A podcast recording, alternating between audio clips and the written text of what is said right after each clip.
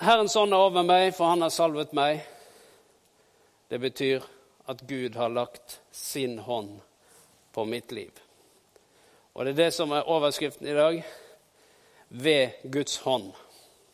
Ikke ånd, men H. Hånd. Bare sånn at det ikke er misforståelse her. Ved Guds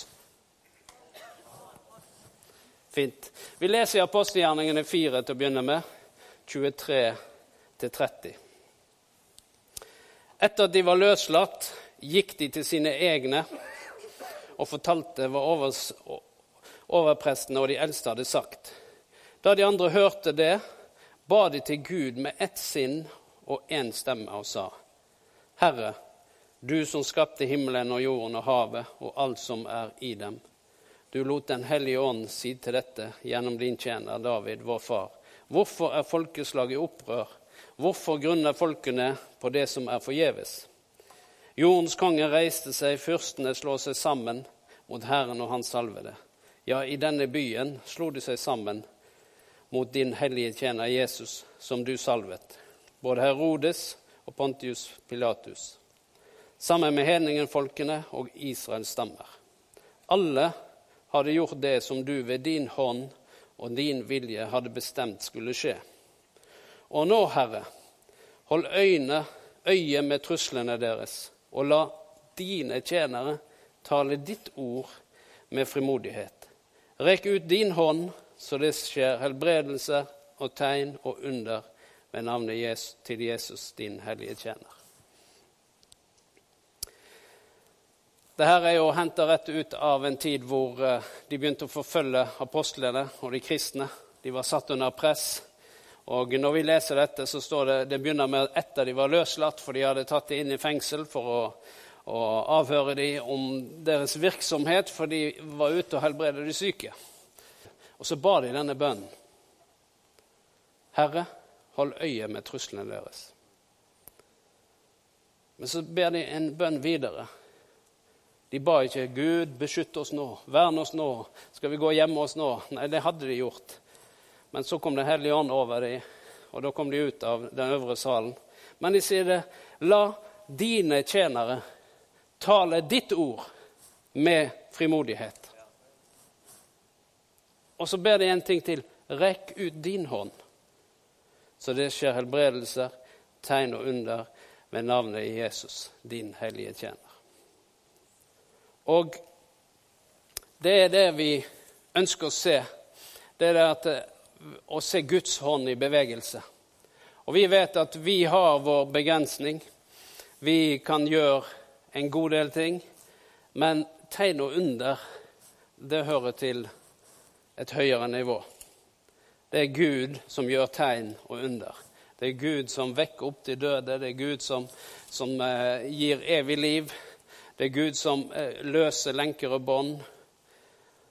Det er vår Gud som går langt utover, som vi sier at ingenting er umulig. Og Derfor er det slik at eh, når vår menneskelige kraft og egenskaper ikke lenger strekker til, da fins det overnaturlig hjelp. Det er når Gud rekker ut sin hånd. Og Nå er det slik at Gud har lagt sin hånd på hver enkelt en som tror på Han. Så når vi er i bevegelse, så er det slik at Gud er med oss. Hans hånd er med oss der vi går fram. Og eh, han vil at vi skal sette vår lit til han, og ikke se på våre menneskelige begrensninger. Og det er jo helt naturlig at vi ser på hva vi kan, og så setter vi en eller annen limit der. Men det, for å bryte denne begrensningen så må jeg si, Herre, jeg trenger at du kommer på banen nå. I denne situasjonen her. Den kan ikke jeg løse. Dette går ikke. Herre, kom du på banen. For nå har jeg gjort mitt. Nå må du, Herre, gjøre ditt.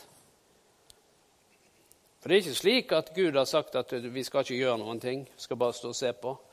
Og hvis Gud griper inn, så griper han inn. Hvis ikke, så griper han inn. Og nei da, det er ikke det. Vi skal gjøre det som er i vår makt. Fordi at Gud, han kommer på banen når vi trenger hans hjelp. Eh, og eh, det som satte i gang litt av denne her eh, preken, det, det, var faktisk en, en, tolkning av et vers i Esekel som jeg hørte en, en eh, predikant la ut. Og eh, det satte i gang noen ting hos meg. Eh, jeg, nå, det er nå jeg er litt spent på hvordan dette kom ut. Men eh, jeg satte i gang noe hos meg fordi det, det, er jo slik at Bibelen den er full av symboler. Den er full av profetiske budskap, den er full av tall. Den har veldig mange ting som ligger der skjult i Skriften, og som har en betydning for å hjelpe oss. Og eh, det er slik han har gitt mennesket et tall, og så har han gitt Gud et tall. Du vet det? Hva er menneskets tall? Forslag seks. Ja. Og Guds tall? Det er syv. Og det går igjen gjennom hele Skriften. Tallet seks for mennesket og tallet syv for Gud. Og nå skal ikke vi så, eh, henge oss opp i så mye av selve tallet, men hva er det som ligger bak? Jo, det er fordi at eh, når Gud da gjennom Bibelen kommer med tallet seks og syv, så har det en betydning.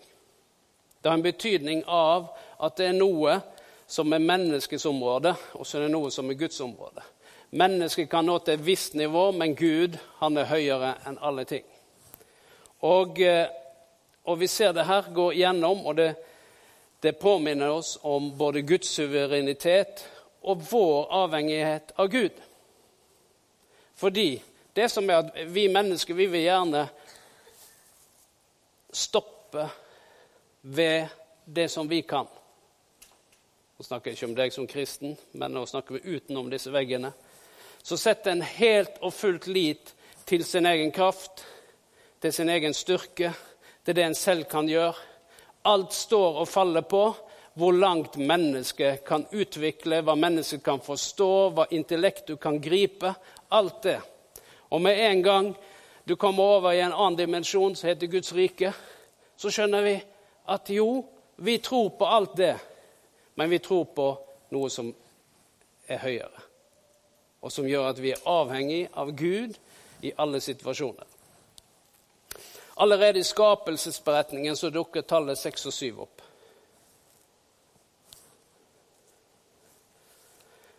Hva forteller det at vi har syv dager i uken? Hva forteller det oss? Hver gang du kommer til syv, så begynner du på en ny dag. Og Det forteller oss det, for Gud har sagt at 'jeg skal være med dere alle dager. Har ikke han sagt det? Det er syv dager. Hva betyr det? Han er med oss alle dager, hele tiden. Og dette går igjen. Men ikke bare det. Det er det at det er Gud som skapte himmel og jord, og han oppholder hver eneste dag pga. sitt ord. Hvis han trekker tilbake sitt ord, så faller alt dette sammen. Dette er utover det vi kan forstå og tenke. Men det står 'han sa'. Han skapte. Han satte. Og det gjør, gjorde han, og så er det hver eneste dag så holder han oppe denne verden med sitt ord. Og Den sjette dagen da skapte han mennesket, og den syvende dagen hvilte han når alt var fullført, sa det. Så allerede der kommer tallet seks og tallet syv inn. Hva er det første etter Gud skapte menneskene? Hva er det første de gjør? Hva er det første dagen til menneskene på denne jorden? Den handler om Gud. Det handler ikke om arbeid. Det handler ikke om å skape, det handler ikke om å gjøre, det handler ikke om deres egen eh, evne til å plante, til å så og til å høste. Ingenting av det. Det handler om én ting. Denne dagen er innvidd Gud. Og Hva er det Jesus sier, da? Søk sist Guds rike. Søk først Guds rike. Hvor tror du han har det fra?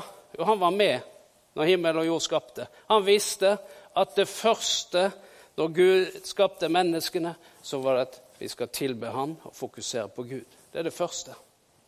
Med en gang så er det Gud som er i fokus.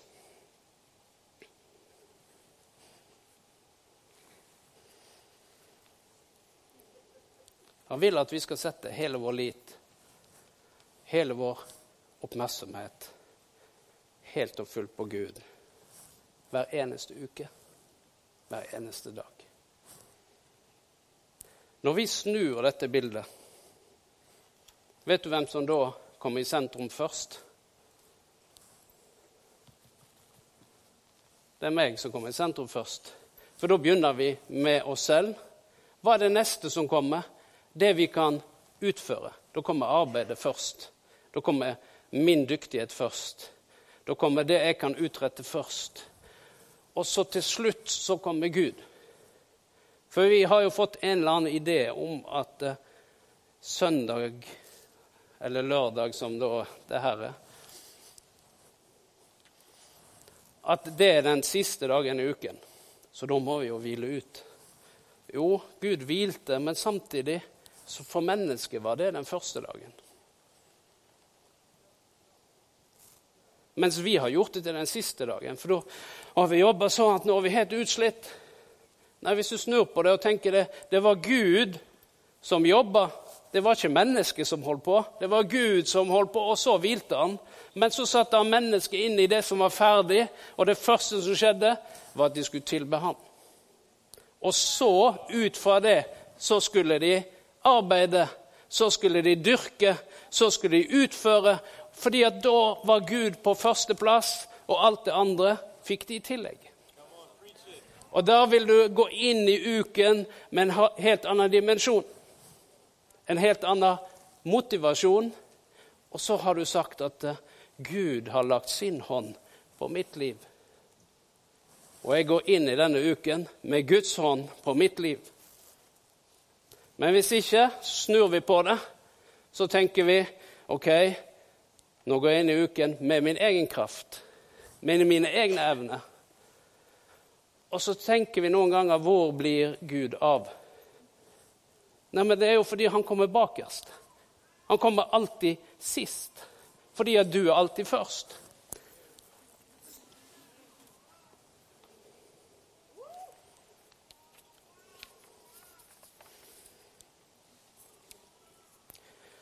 Du vet hva ego betyr?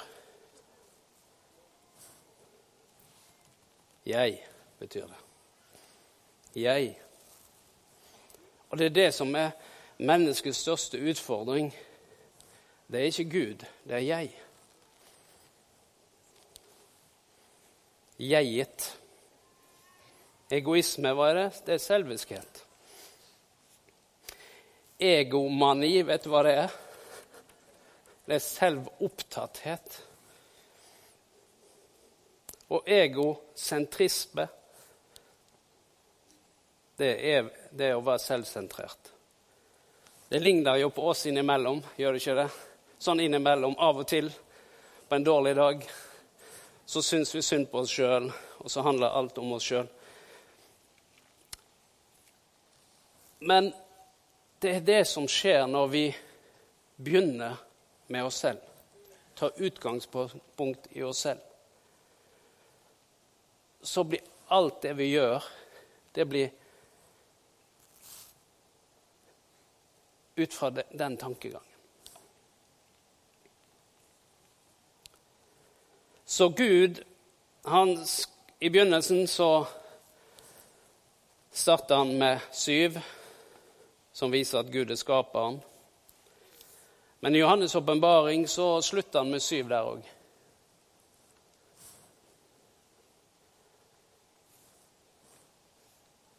Jeg vet ikke om du, hvor ofte du leser Johannes' åpenbaring. Så kommer innrømmelse. Det er ikke ofte jeg leser Johannes' åpenbaring. Det er så mye symboler og horn og engler og vinger i, i, alle, i både seks vinger over og Nei, det Men Johannes' åpenbaring består av syv åpenbaringer. Den snakker om syv menigheter. Det er syv seil, det er syv basuner, det er syv skåler som skal tømmes. Det er syv engler, det er syv ånder, og så kan du fortsette. Hele Johannes' åpenbaring handler om syv. Hvorfor velger Gud å begynne med syv og slutte med syv? Og innimellom der så dukker syv opp. Er det fordi at han er sånn nerd på tall? Nei, det er fordi han prøver å fortelle oss noen ting. Det er at han som begynte dette, vil også fullføre dette. Og mennesket har ingenting de kan røre ved det. Uansett hvor høyt vi tenker vi kan eh, forstå ting, hva vi kan få, to, få til ved vår menneskelige kraft, så er det ingenting vi kan gjøre fordi Hva leste vi i sted? Det Gud etter sin hånd og sin vilje hadde bestemt. Han hadde bestemt hva som skulle skje når Jesus døde. Men han har ikke bare bestemt hva som skulle skje når Jesus døde, han har bestemt hva som skal skje i den tiden vi lever her og nå. Og det er ved Guds hånd det kommer til å skje. Betyr det at vi, at vi skal bare sitte og tvinne tommeltotter og vente og se når Gud kommer? Nei, for han har også gitt oss hender og føtter og munn. Han har satt oss i bevegelse fordi at Eh, han vil at Guds rike skal gå fram og utbre seg. Så Gud har kontroll når han, når han skapte himmel og jord. Det er noen som tro, tror at han mista kontrollen når djevelen kom inn. Nei, han mista ikke kontrollen. Men mennesket ga fra seg sin autoritet. Men på korset, hva skjedde der? Han tok han tilbake, og så gav han oss til oss i Jesu Kristi navn. Og forresten, på hvilken dag døde Jesus?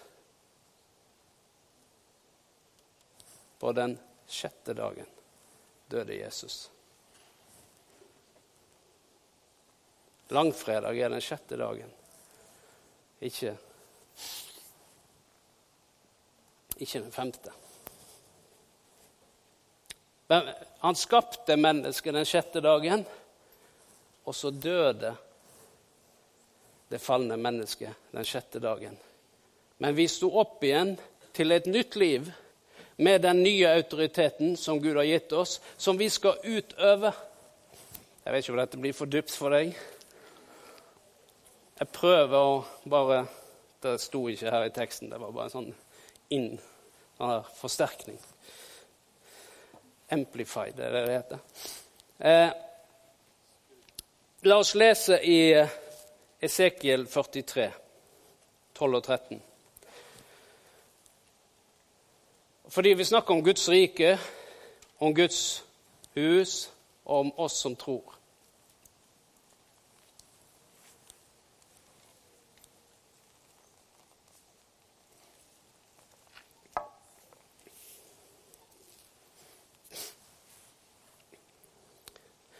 Nå står det i vers 12, Esekiel 43. Det er ikke ofte vi slår opp i Esekiel 43, men det gjør vi i dag. Der står det dette er loven om tempelet. Hele området på toppen av tempelet skal være det aller helligste. Og så sier han igjen se, dette er loven om tempelet. Tempelet som er Guds hus som representerer Guds rike. Og så sier han dette er målene for alteret, målt med den alen som er én håndsbredd lengre enn den vanlige.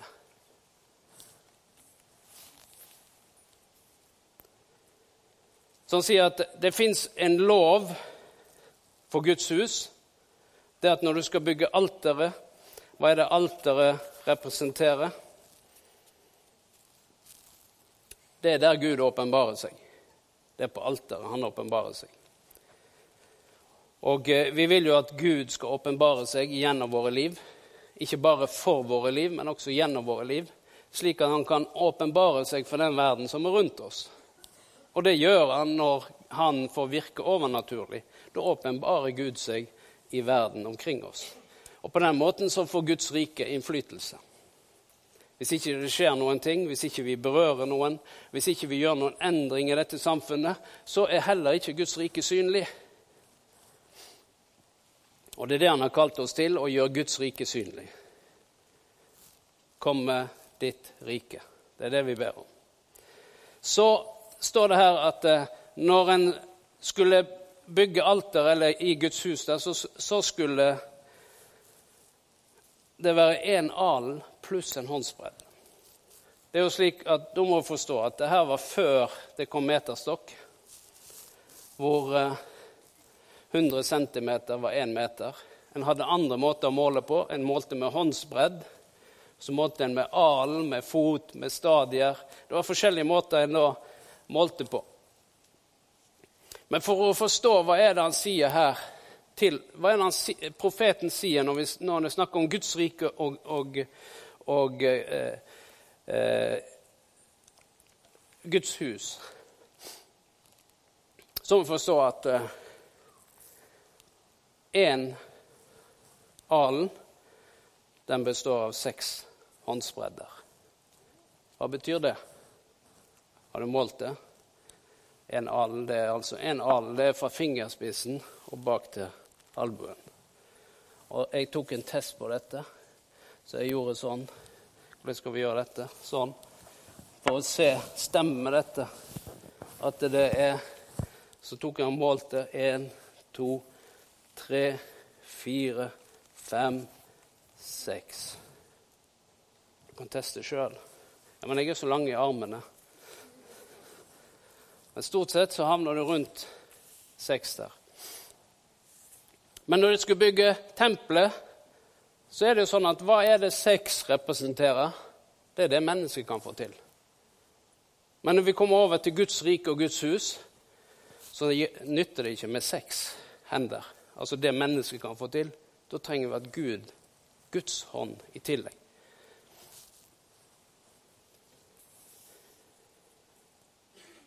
Og jeg tror at Gud vil vise oss noen ting. Det er det at Han har lagt sin hånd over våre liv. Men vi kan ikke operere i Guds rike uten om at vi involverer Hans hånd på våre liv. For det er mye vi kan utrette, det er mye vi kan få til fordi vi er dyktige. Mennesket er dyktige, for Gud har skapt oss slik at vi kan kunne utvikle og skape og bygge.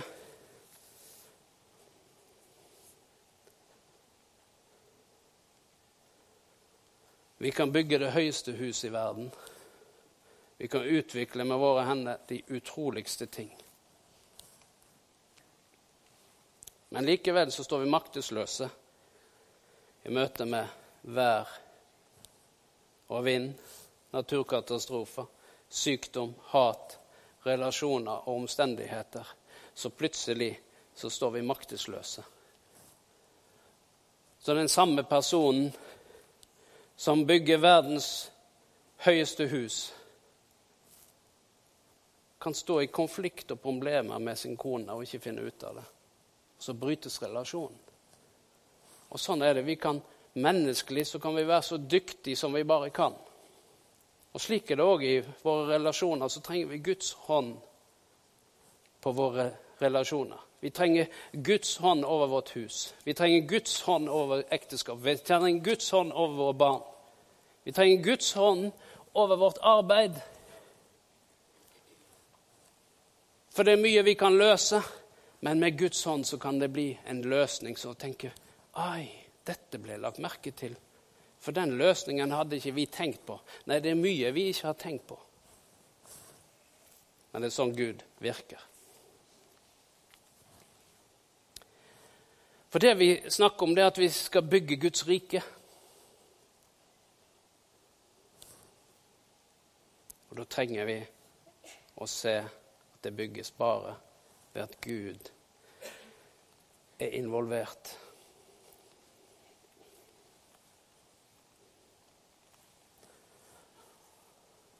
Og vi kan berøre andres liv akkurat fordi at Gud er med oss. Han har sagt han skal være med oss alle dager. Hans navn er Emanuel, Gud med oss.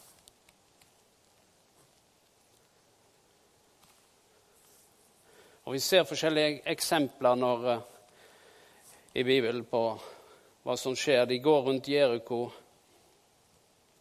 én dag i seks dager. Den syvende dagen går de syv ganger, og så faller murene ned. Hvorfor det? Jo, for Gud ville bevise at dette skjer med min hånd. Betyr det at de ikke måtte gå? Jo, de måtte gå. Og mens de gikk, så kom Gud på banen. Og det er det som av og til er en misforståelse. Vi tror at vi ikke skal gjøre noen ting. Jo, vi skal være i bevegelse. Og mens vi er i bevegelse, så kommer Gud på banen. Elias han ba om regn. Det hadde ikke regna på tre og et halvt år. Og så ba han seks ganger, og ingen tegn til regn. Hva skjedde den syvende gangen? Da sier denne tjeneren jeg ser en hånd, en sky på størrelse med en hånd. Da sa han nå kommer det regn. Han visste det. Det stoppet på den syvende gangen. Betyr det at du skal bare be syv ganger? Var det, det var det Peter prøvde seg på. Skal jeg tilgi min bror syv ganger? Nei, syv ganger 70 var det han sa. Det er det at vi trenger Guds hjelp til å tilgi. Det kan ikke vi gjøre i egen kraft. Men det er at når vi ber til Gud, så er det noe som skjer. Det er at den du ber for, så kommer plutselig Guds hånd over den personen. Det er det som er. Når du ber, så skjer det noe med at Hva var det de ba om her? Gud, rekk ut din hånd, så det skjer tegn og under ved din hellige tjener, Jesu navn. Og det er det som skjer når vi ber for noen, så kommer Guds hånd over den personen. Da begynner Gud å virke på den personen. Om du ikke ser noe, og du har bedt seks ganger, men ser ingenting, så ber du bare en gang til. Så ber du bare en gang til. Så ber du bare en gang til. Fordi at Gud er på banen. For når vi ber, så kommer Gud på banen. Når David møter Goliat, så er det slik at eh, Goliat representerer det menneskelige, menneskelig styrke, eh, utover det som vi noen ganger tenker at vi kan håndtere. Skal vi bare tenke hvor høy var Goliat? Han var seks alen høy. Tror du det var tilfeldig at han var seks alen høy? Det står at han hadde seks fingre, så hans armer var sikkert litt lengre enn hans alen var litt lengre enn vår alen. Men i hvert fall så står det at han hva, Betyr det noen ting at han var seks alen høy? Ofte så leser vi bare sånt, og så tenker vi ikke noe mer av det. Men så står det at når David kommer imot ham, kom, hvilket navn kommer han imot ham med? Sitt eget navn? Nei. Han kom imot ham i Guds navn. Og Det var det som gjorde forskjellen. Det var ikke fordi David var så dyktig med slynga si. Det var ikke det som, eh, som gjorde dypt inntrykk på Goliat. Det var den steinen som gjorde dypt inntrykk. Fordi at Guds hånd var det som sendte den av gårde. Fordi han kom imot den. Og Mange ganger så ser vi på det menneskelige, og så tenker vi det er umulig. Vi har ikke styrke, vi har ikke mulighet. Men hva er det vi gjør? Vi kommer imot i Jesu navn. Fordi hva var det de ba om? Det var 'rekk ut din hånd, så det skjer tegn og under'. Ved hvilket navn? Ved Jesu navn. Og det er det som gjør forskjell. Det samme er når vi snakker, vi har jo snakket om tiende her i høst. Hva er det som skjer når vi betaler tiende? Da kommer Guds hånd over dine 90% så de rekker lenger enn hva dine 100% gjør med din egen arm, med din egen hånd, med din egen kraft. Dette her er prinsipper i Guds ord, og derfor vil han at vi i enhver ting skal sette Gud først. Søke Guds rike først. Sette ham på førsteplass. For med en gang han får førsteplass, når han får begynne uken, når uken begynner sammen med han, så vil det prege resten av den uken Så derfor er det så når vi begynner med oss selv, så strever vi. Når vi begynner med Han, så blir noe av strevet borte. Og vi Jeg vet ikke om jeg har fått ut det her på en god måte, men eh, nå var det litt matematikk her òg i dag om uh, Gud. Men jeg, prøvde å For det var noe med Når jeg hørte denne preken med Esekiel, hvor han sa at uh, en al er seks hender. Men når du skulle bygge Guds hus, så trengte du seks hender pluss en hånd. Og når vi vet at menneskets tall er seks, og Guds tall er syv, så vet vi at den store forskjellen i vårt liv, det er når Gud får slippe til. Den store forskjellen gjennom våre liv er når vi vet at Gud er med oss. Og når vi legger hendene på de syke, så er det ikke våre hender. Det er det at Gud legger sin hånd oppå vår hånd. Når vi går på vannet, som vi ofte gjør her i Bergen Men når vi går på vannet og stiger ut, hva er det vi stiger på da? Da stiger vi på Guds hånd. For han holder sin hånd der. Når vi går ut over det som vi har kontroll på, da sier vi, 'Herre, nå går jeg i tillit til deg'. Da stikker vi ut av komfortsonen vår. Og det gjør vi innimellom. Og vi sier, 'Gud, jeg vet at du er med meg'. Men nå trenger jeg at du viser det. Og han vil. Han elsker å vise at han er med oss. Men litt for ofte så slipper han ikke til. For vår hånd fikser det opp. Eller vi tør ikke gå ut på det der vannet der fordi at eh, jeg har ikke gått på vannet før. Men Gud vil hjelpe oss, og jeg tror at uh, vi skal se mer av Gud i våre liv. Jeg tror vi skal se mer av Gud gjennom våre liv. Og eh, når jeg delte dette ordet eh, eh, første søndagen dette året om at Herrens ånd er over, over, meg, for han har salvet meg, så handler det om at Gud vil bli synlig. Gud vil bli synlig for oss, og Gud vil bli synlig gjennom våre liv. Gud vil bli synlig i, gjennom vår menighet, og bli synlig i denne byen og i dette landet. Og han trenger at vi beveger oss med tro på at Gud er med oss. Skal vi reise oss opp, og så skal vi be sammen.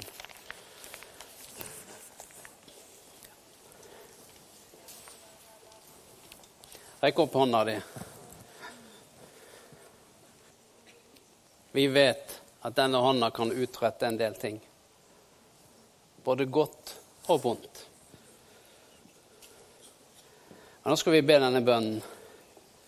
For Gud har allerede lagt sin hånd på deg, men vi skal be denne bønnen. Så skal jeg be, Herre, du ser disse hendene, Herre, som strekker seg ut til deg akkurat nå.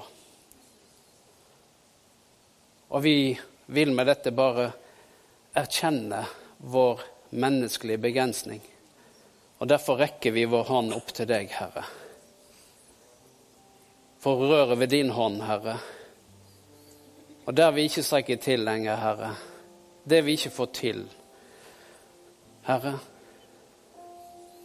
rør ved oss, Herre.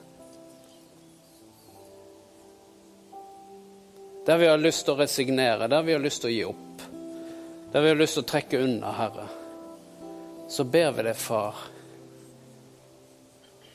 rør ved oss der sykdom har fått plass i vår kropp. Rør ved oss.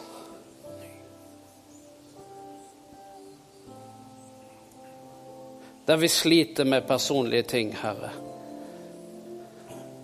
Ting som vi ikke får seier over. Så ber jeg Herre, rør ved oss.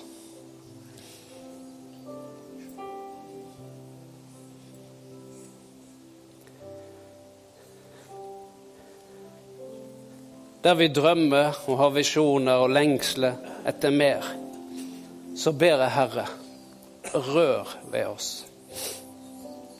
Når vi ikke ser hvordan det skal gå til, Herre, så ber jeg Far, rør ved oss, Herre. Rør ved oss hver enkelt en. Og så ber jeg òg, Herre, du ser disse hender. De er òg til disposisjon for deg, Herre, og ditt rike. Og jeg ber deg, Herre, hjelp meg så at jeg kan bruke disse hender til å røre ved de som ikke kjenner deg. Til å legge de på de syke. Til å sette fanger fri. La mitt liv bety en forskjell i noen andre sitt liv. Jeg ber deg om det, far. I Jesu Kristi navn. Vi takker deg, Herre. Vi takker deg, Herre, for stor nåde og stor styrke over hver og en i dette rommet, Herre. Jeg ber for de som driver med business, Herre, som kanskje har strevet med businessen sin. Så ber jeg, Herre, om at du skal legge din hånd på den businessen. Men først skal de gi sin hånd til deg, Herre. Det betyr at de skal gi denne businessen til deg, Herre. Fordi at de overgir sitt liv til deg, og alt det en er i berøring av. Jeg ber deg om det, far. Jeg ber deg, far, for de som uh, har skolegang, Herre, og som kanskje trenger å lykkes enda bedre, Herre, og få framgang i skolearbeidet, så ber jeg, Herre, legg din hånd over dem akkurat nå, far. Slik at det blir framgang i dette skolearbeidet. Jeg ber, Herre, for de som ikke helt ser hvordan veien videre ser ut.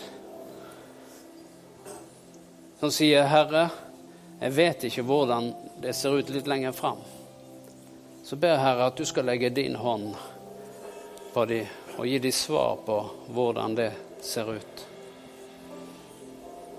Og det skal være tydelig og uten tvil, Herre. Takker deg, far. Vi takker deg, far. Jeg ber Herre for de som er forvirra i sinnet eller fortvila på en eller annen måte i sitt tankeliv. Ber Herre, legg din hånd på dem, Herre. Rør ved deres tanker. Rør ved deres uro, Herre. Fordi du, Det står at du er vår fred, Herre, og jeg ber, Herre, la den fred som du er, komme over de, Herre, hver enkelt en. Ber deg om det, Far.